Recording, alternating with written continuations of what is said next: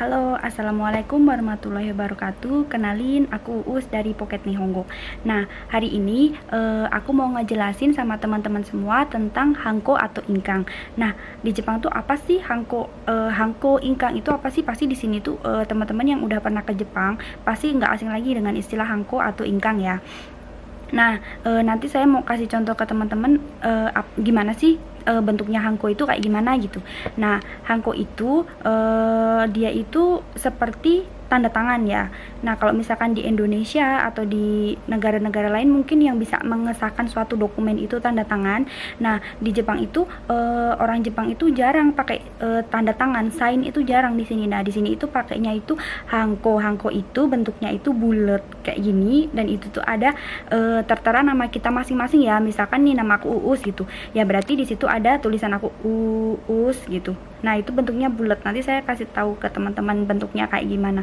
Nah, terus biasanya itu uh, kenapa sih hangko itu bisa sah gitu di Jepang itu kenapa cuman di stempel pakai hangko aja itu dokumen udah sah gitu nah karena hangko di Jepang itu dia itu didaftarin ke uh, kementeriannya di sini di kantor pemerintahan di Jepang. Jadi itu itu tuh udah pasti sah ya.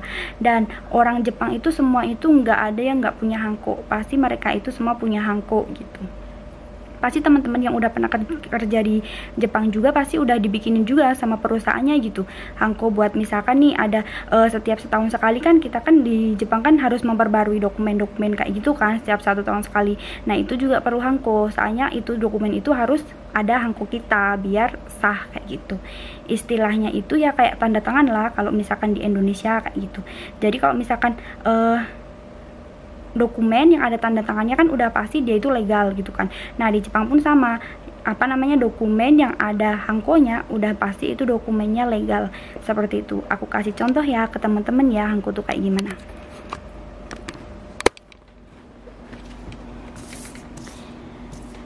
Hangko tuh kayak gini ya. Agak nggak jelas kalau deket Nah, ini tuh ada nama aku ya, teman-teman. Namanya Uus. Nah, terus ada dua tipe hangko tuh. Ini yang terbuat dari kayu ya. Dan ini tuh biasanya itu harus pakai sunika kayak gini. Jadi, pakainya itu gampang banget. Misalkan kayak gini ya. Tong. Terus langsung aja dicapin kayak gini.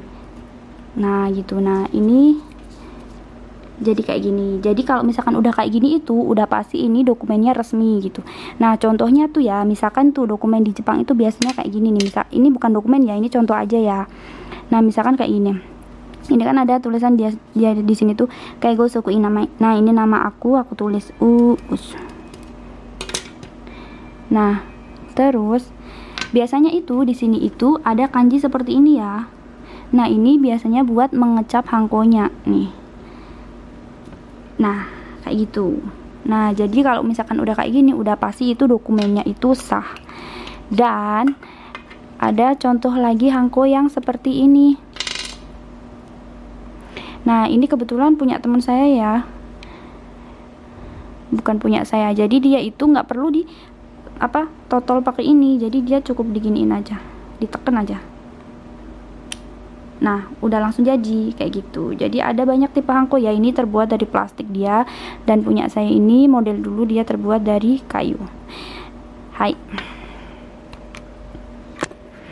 Ya, jadi kayak gitu Minasang. Terima kasih yang udah lihat video saya. Next saya share lagi yang lebih bermanfaat lagi buat Minasang. Wassalamualaikum warahmatullahi wabarakatuh.